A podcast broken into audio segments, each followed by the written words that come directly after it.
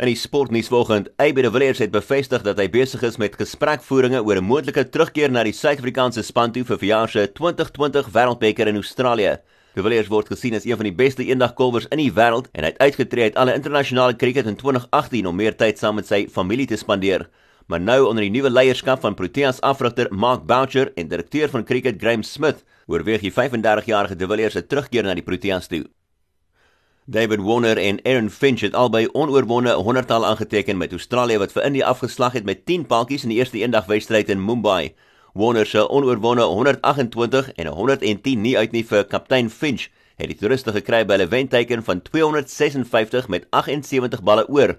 Dit na India vroeër uitgebal is vir 255 met Mitchell Stark wat 3 paltjies geneem het.